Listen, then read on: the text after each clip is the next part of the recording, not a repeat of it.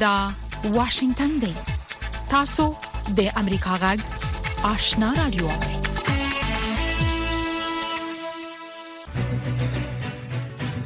درنو اوریدونکو ستړي مشئ زه نو شاباش نه تاسو په روانه خبرونه کې د سیمه او نړۍ په اړه رپورټونه هم اورئ خو لمړی پام وکړئ د سیمه او نړۍ خبرونه ته السلام علیکم درنو اوریدونکو ستړي مشئ زه زیبا خادم یم دا د امریکا غږ آشنا رادیو خبرونه ده د نړۍ د دې ساعت خبرونو ته ساسې پام را اړوم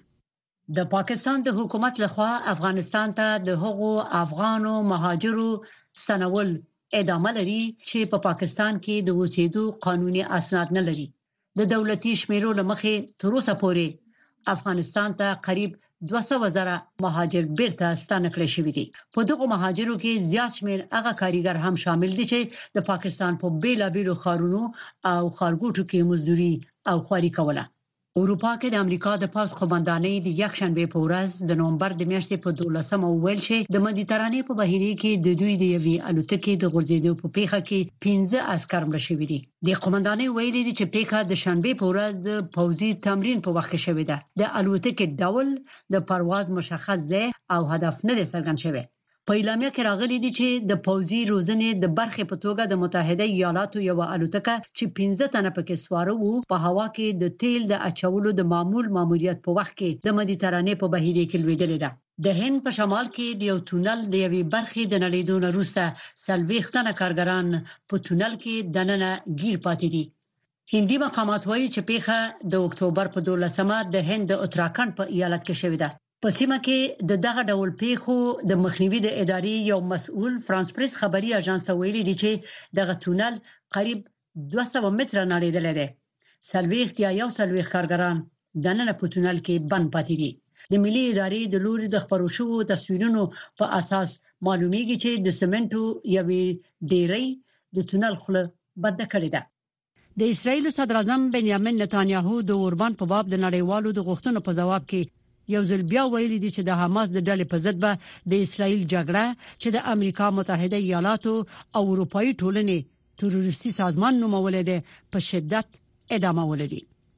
د امریکا غږ د ډیوی رادیو خبریال رحمان بونیری د بیت المقدس نه د نن ورځې د انکشافاتو راپورټ را لګلې دی زه د غزې تړانګې ته بالکل پولی تر رسیدلې ما خو کم ځای چې غزې دا غزې تړانګه د اغه خواته ماته تک اجازه نشته دی اسرایلی ځواکونو زه په لار کې ودرولې ما وراته وی چې هغه ځای ته مخکې نشي تللې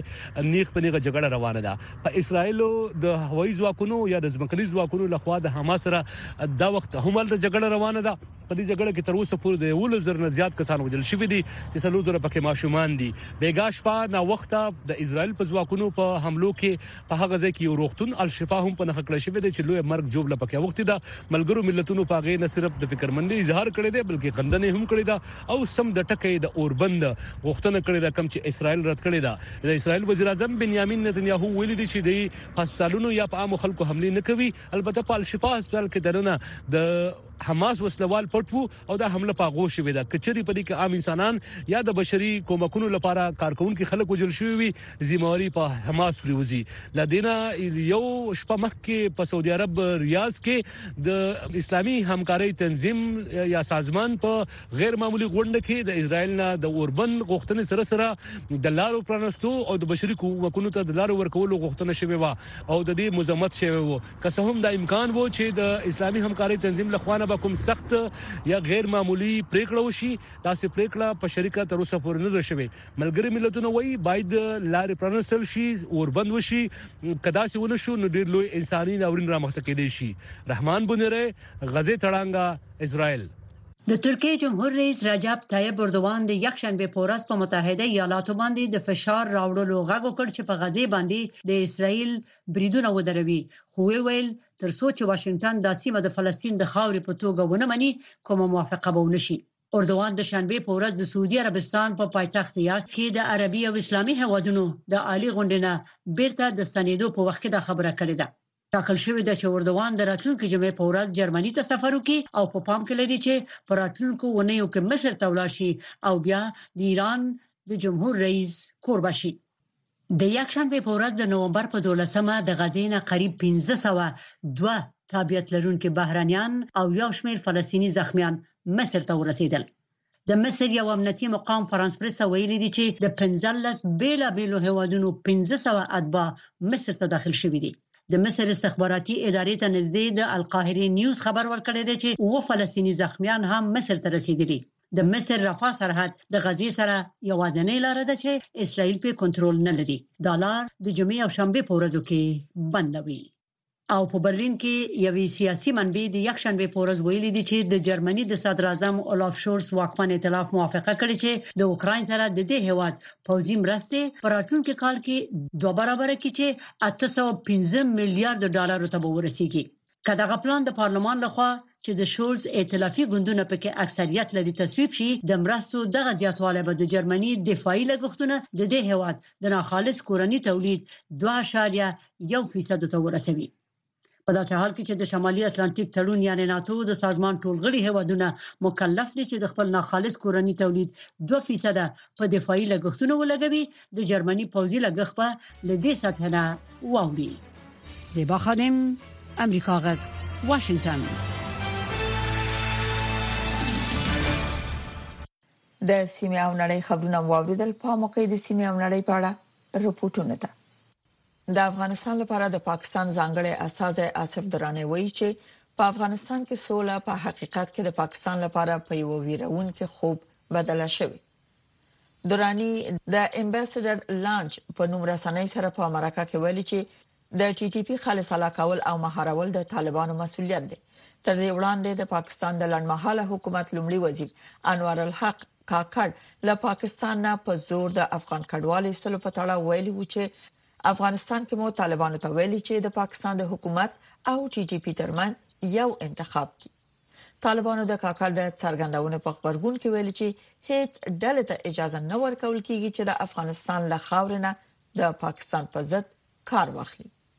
د افغانستان لپاره د پاکستان ځانګړي استازي آصف دوراني د امباسډر لانچ په نوم رسنۍ سره په مرکه کې تور پورې کړی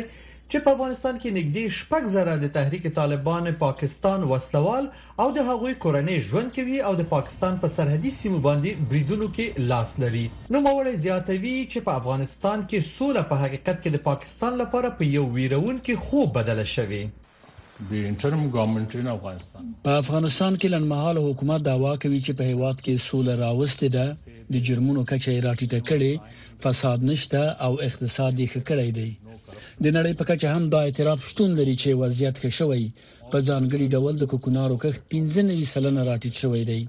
که دا ټول مثبت چیزونه رامنځته شوي دا په دې معنی ده چې په افغانستان کې سوله په حقیقت کې د پاکستان لپاره په یو ویرونکو خوب بدل شوې ده د سیاسي چارو شنونکي د آصف دوراني خبرو په تایید وایي چې پاکستان لپاره په افغانستان کې سوله ځکه یو ویرونکی خوب دی چې په تیرو پنځه څلوېښت کلونو کې پاکستان تل افغانستان د خپلو ګټو لپاره بې ثباته کړی او په سیمه کې یې د ځان غښتلتیا هڅه کړې. دا یو واقعیت دی چې په افغانستان کې امن، سوله، ثبات، کامیابي، اقتصادي رغونه او یو قوي نظام جوړیدل دا د پاکستان لپاره یو ویرونکی خوب دی لپاره دې چې دی په تول دې پنځه څلوېښت کالو کې په افغانستان کې هیڅکله یو قوي نظام یو قوي حکومت نه دی غوښتلی او نه غواړي د همدغه لپاره دی په همیشته کوشش کړي چې په افغانستان کې عدمي ثبات وسی دلته حالات ترنګړي وسی دلته تشنج وسی تر څو دی وشي کولای چې افغانستان په یو ضعیف او ناتوان حالت کې وساتي او د خپل غبرتري په منطقه کې او په سیمه کې ولري له بلې خوا پاکستان په دې هېواد کې شاوخوا یو اعشاریه څلور میلیونه افغان کډوالو د پاتې کېدو موده چې د اوسېدو قانوني اسناد لري د روان کال تر پایه وغځوله سره له دې چې پاکستاني چارواکو د ثبت شویو افغان کډوالو د پاتې کېدو موده د کال تر پایه غځولې خو د هغو افغان کډوالو د ایستلو لپاره یې د ملګرو ملتونو او نورو نړیوالو ټولنو غوښتنه نه ده منلې چې د پاتې کیدو اسناد نه لري. وف فعلاً که دولت پاکستان همین دیپورتیشن که شروع کردند فکر کنین ای پروسس را دارند فعلاً ای بیخی اوضاع را خراب کند به حدی که ما فعلاً در خانه های قفل هستیم لاک هستیم نه از داخل نی ما فعلاً در یک شرایط زندگی میکنیم که داخل خانه هستیم و پا رو روشن کردن نمیتونیم ما همیال فکر کنید دروازه از بیرون قفل است یعنی ما در داخل قفل هستیم بیرون برآمده نمیتونیم چراغای خود روشن کردن نمیتونیم حتی به حدی که ما با صدای بلند حرف زدن نمیتونیم په همدې حال کې د پاکستان حکومت خپل وګړو ته د کډوالو په حق له راپور ورکولو لپاره د ټلیفون یو شمیره اعلان کړي چې هدف یې بې اسنادو کډوالو په موندلو او نیولو کې مرسته کول دي. احسان الله اریوزی، امریکا غږ، واشنګټن. انتظار پای ته ورسید. ترنو لیدونکو او اوریدونکو تاسو کولی شئ د امریکا غږ تلویزیونی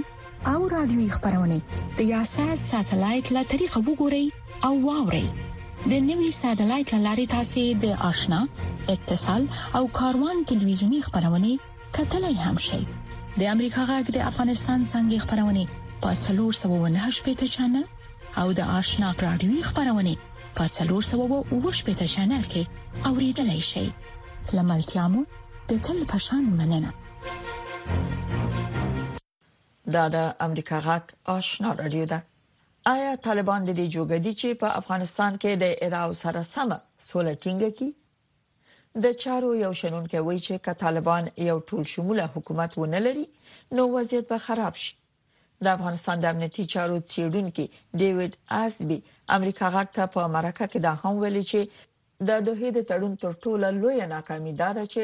افغانستان او پاکستان یې د یو بل سره په همکارۍ نه دي قانع کړي. د امنیتي چارو څېړونکي زموږ د همکارې نذرانه یوسفزۍ سره مرکه کړې چې ستاسو پام اوریدو ته راګرځو. دوه کاله وشو چې طالبان په افغانستان کې حکومت کوي، په دغه تېرو دوو کلونو کې د افغانستان امنیتي وضعیت ته څنګه ګورئ؟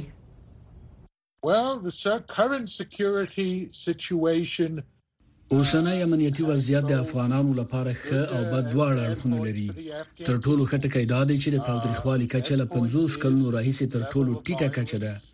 بده خبره دا ده چې طالبان له زور او تشدد څخه کار اخیستو ته ډیره لیوالتیا ښيي.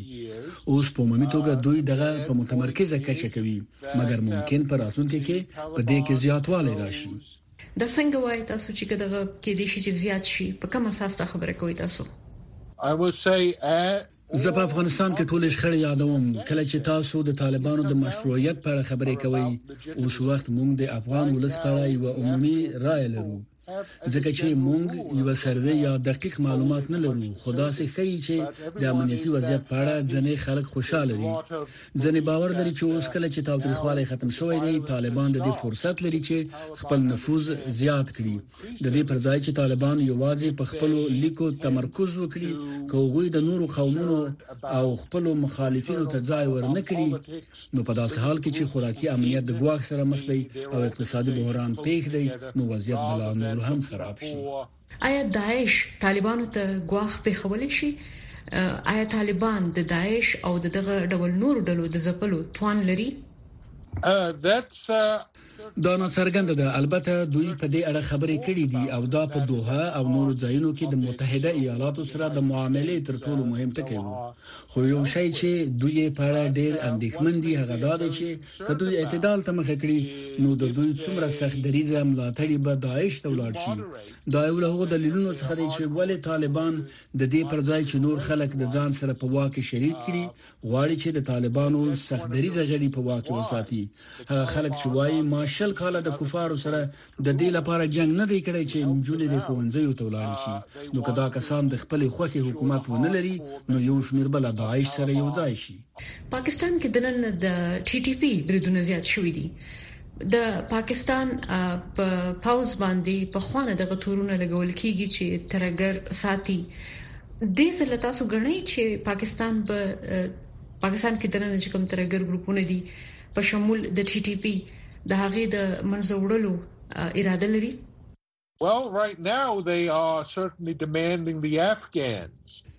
د له منځه وړلو لپاره نور ټي ټي پي همدا اوس دوی یقینا د افغانانو نه غوښتنه کوي چې اقدامات وکړي په خپل پاکستانیانو چې کله عملیات کول نو په تیرو کلونو کې به یې هم د پولې سره څیرمه په ډیرو پوستو کې ډیر وحشانه عملیات ترسره کړه.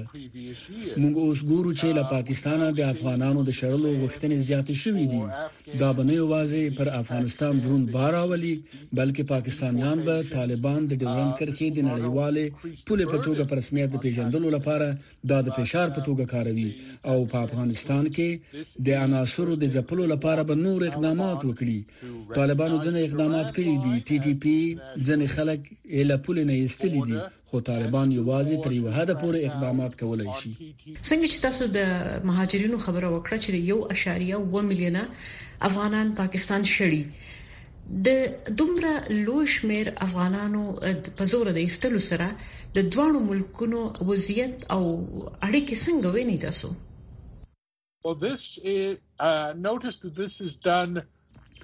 دا خو معلومه خبره ده چې دا کار د پاکستان د موقت حکومت لخوا تر سره کیږي نو دا د پوز لخوا ډیر مهم اقدام دی د پاکستان پوز دا په طالبانو د فشار لپاره د یوې وسیلې په توګه کاروي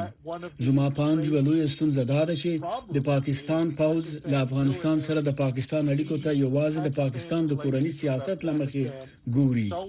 نو پوځ د اقتصادي توان پرته دا کار کوي د پاکستان پوځ د افغانستان ستونزو ته نه ګوري دوی په دې اړه اندېښمن نه دي چې دا خلک به چیرته میشت شي البته په افغانستان کې دا اندېښنه شتون لري چې دوی به چیرته ځي په ځانګړې توګه په افغانستان کې د بیا مېشتېدنې په اړه اندېښنه لري. په حقیقت کې هم دا هغه ټولې ناکامۍ دي چې لویدیځ او امریکا په افغانستان کې درلودې. ښایي تر ټولو بده د خبرو اترو په برخه کې د دوی ناکامي وه چې پاکستان او افغانستان په ګډه کار ته قانع کړي.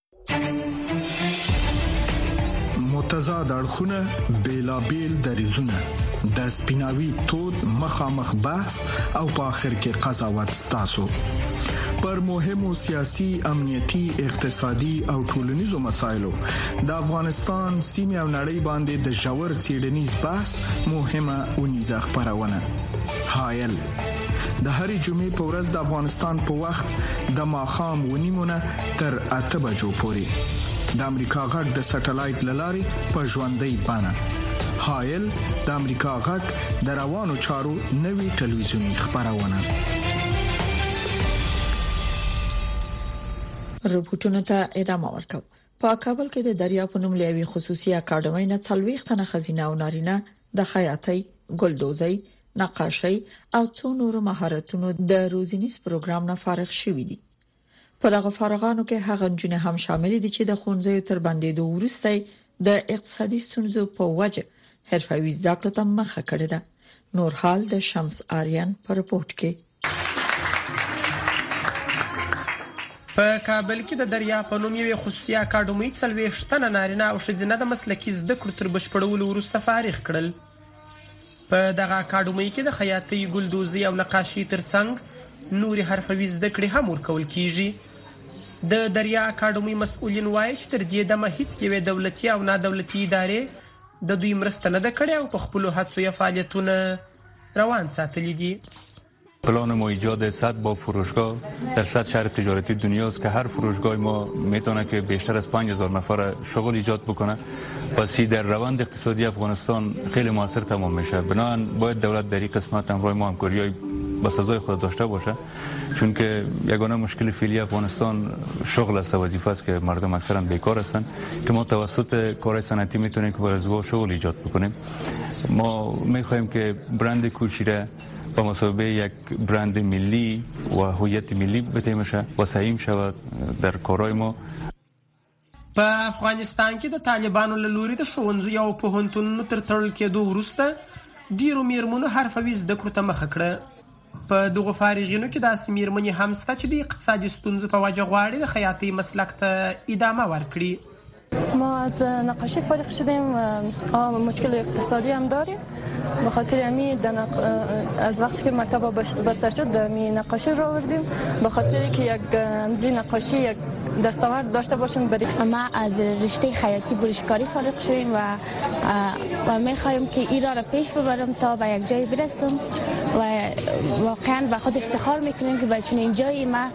درس میخوانم و اینقدر پیش رفتیم و انشاءالله که همیشه ایران رو پیش میبرم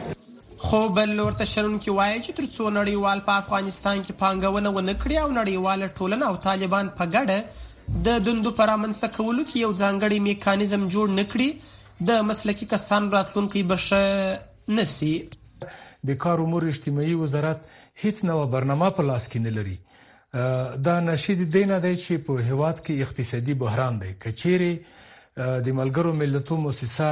او اسلامي امارت په دې کې رغنده خبرې اترې وکړي، بالاخره خصوصي سکتور ته دا امکانات برابر کړي چې دلته پانګونه وکړي، همداسې نړیوالو کمپنیو ته په افغانستان کې، نو بیا په هغه صورت کې کېدلی شي چې ځوانانو ته کاریابي هم وشي او دوی د خپلې زده کړې په تجربو کې هم راونغاړي.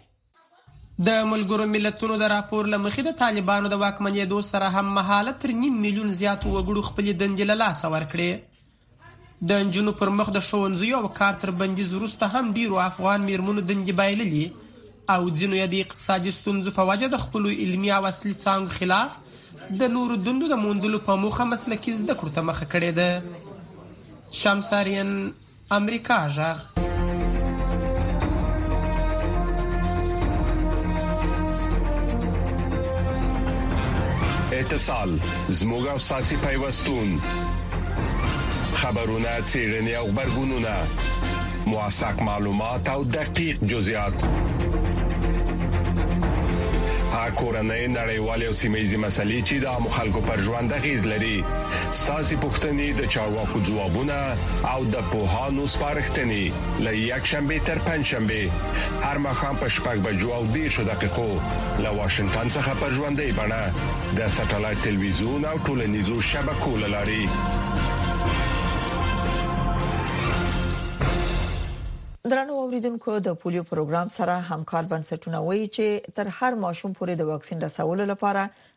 د کور په کور کمپاین تګلاره اغیزمنه ده خو د جنوب په یو شمیر سیمو کې ل تیرو دوو کلونو راځي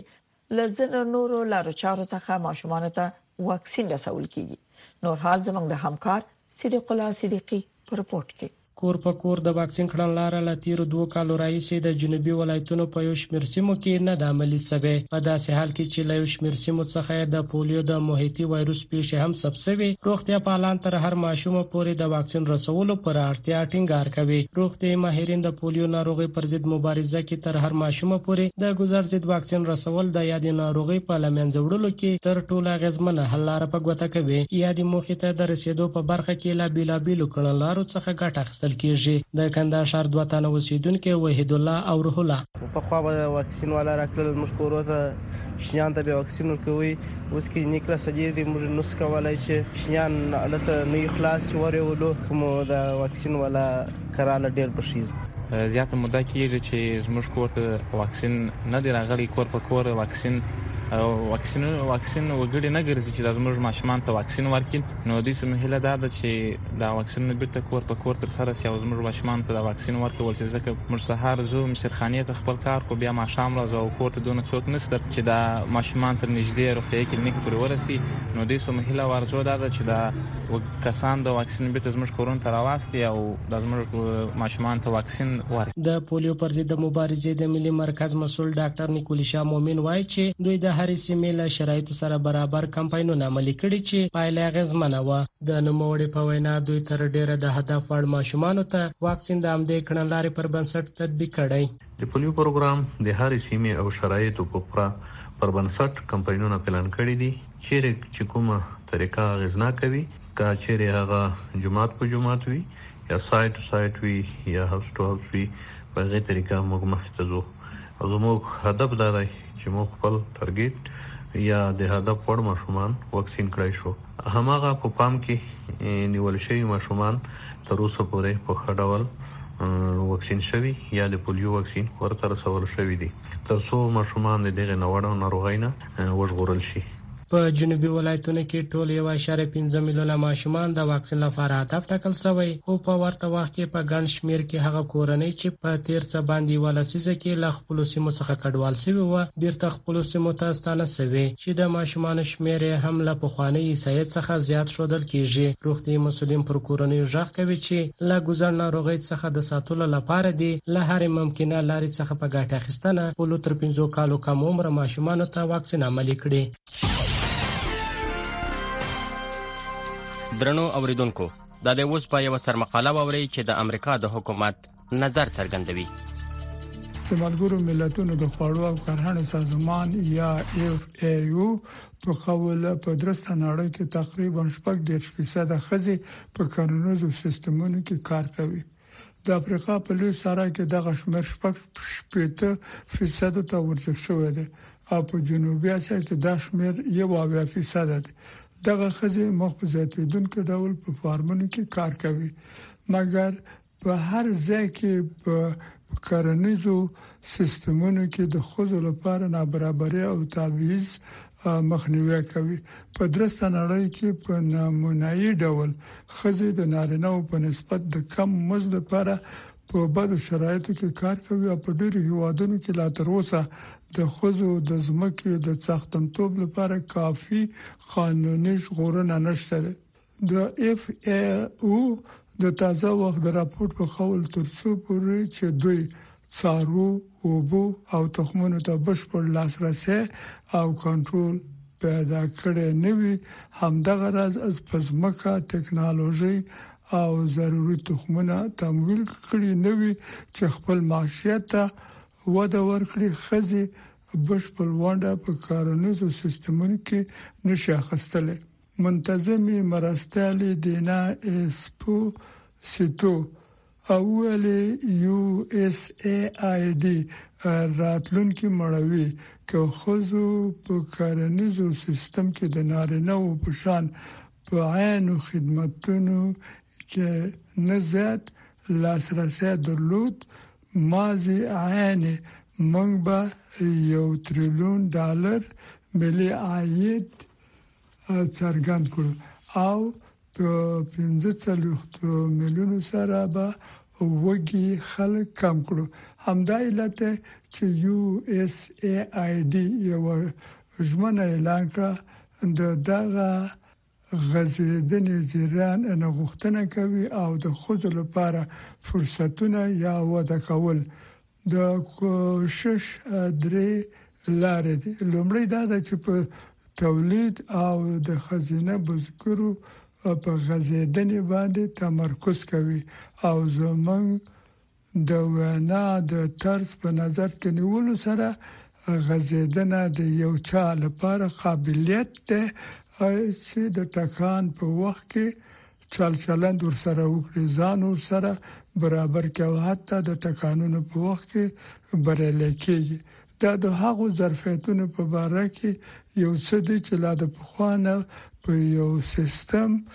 یا یو ټولنه کې موجود دي او موږ څنګه دغه ظرفیتونه قوي کړو چې د خلکو سره مرسته کوي چې د خطر غم وخوري منتظمې مرستیالې اس پوسیتو وویل زموږ ژمنه دا ده چې د هغو خزو عمل کول دوه برابر کړو چې ټکنالوژي اصلاح کوي او د فارمونو په باره کې اداره او تمرین خکوي موږ به زمکه ته په لاسرسي د اقلیم سره برابر د لوړې درجې په تخمونو، کیمیاوي سرې، په مالیه، په معلوماتو او ټکنالوژي باندې تمرکز وکړو. دینا ایس پو سیتو ویل، دوهم ستنه دا ده چې د ښځو سره مرسته وشي، برابري اصلاح کړي او د بزګرۍ وظیفې ښې کړي. او دریمه ساحه دا ده چې واقعا د دې ډاډ ورکوي چې د نارینه او خوځو او جنس نادره ضرورتونه واقعا د دوی ډاډ ورکوي او خلک د جنس د جنجال فرق څرنګه تجربه کوي په داسې حال کې موږ خپل بشري اقدام سر تر سوو منتظمې مرستیالې دینا اسپوسیتو ویلي جنس برابري مازې صحیح نه ده دا د ګټې وړ ده دا هوښیارې دي او دا د غزیدونکو خوړو سیستمونو منځ ته د راوړلو کلی ده درنو اوریدونکو دا و د امریکا غږ سر مقاله چې د امریکا د حکومت نظر څرګند درنو اوریدونکو خبرونه په همدې ځای پای ته ورسیده مننه چې د امریکا غږ آشنا رادیو خبرونه اوري تر بیا خدای مل شي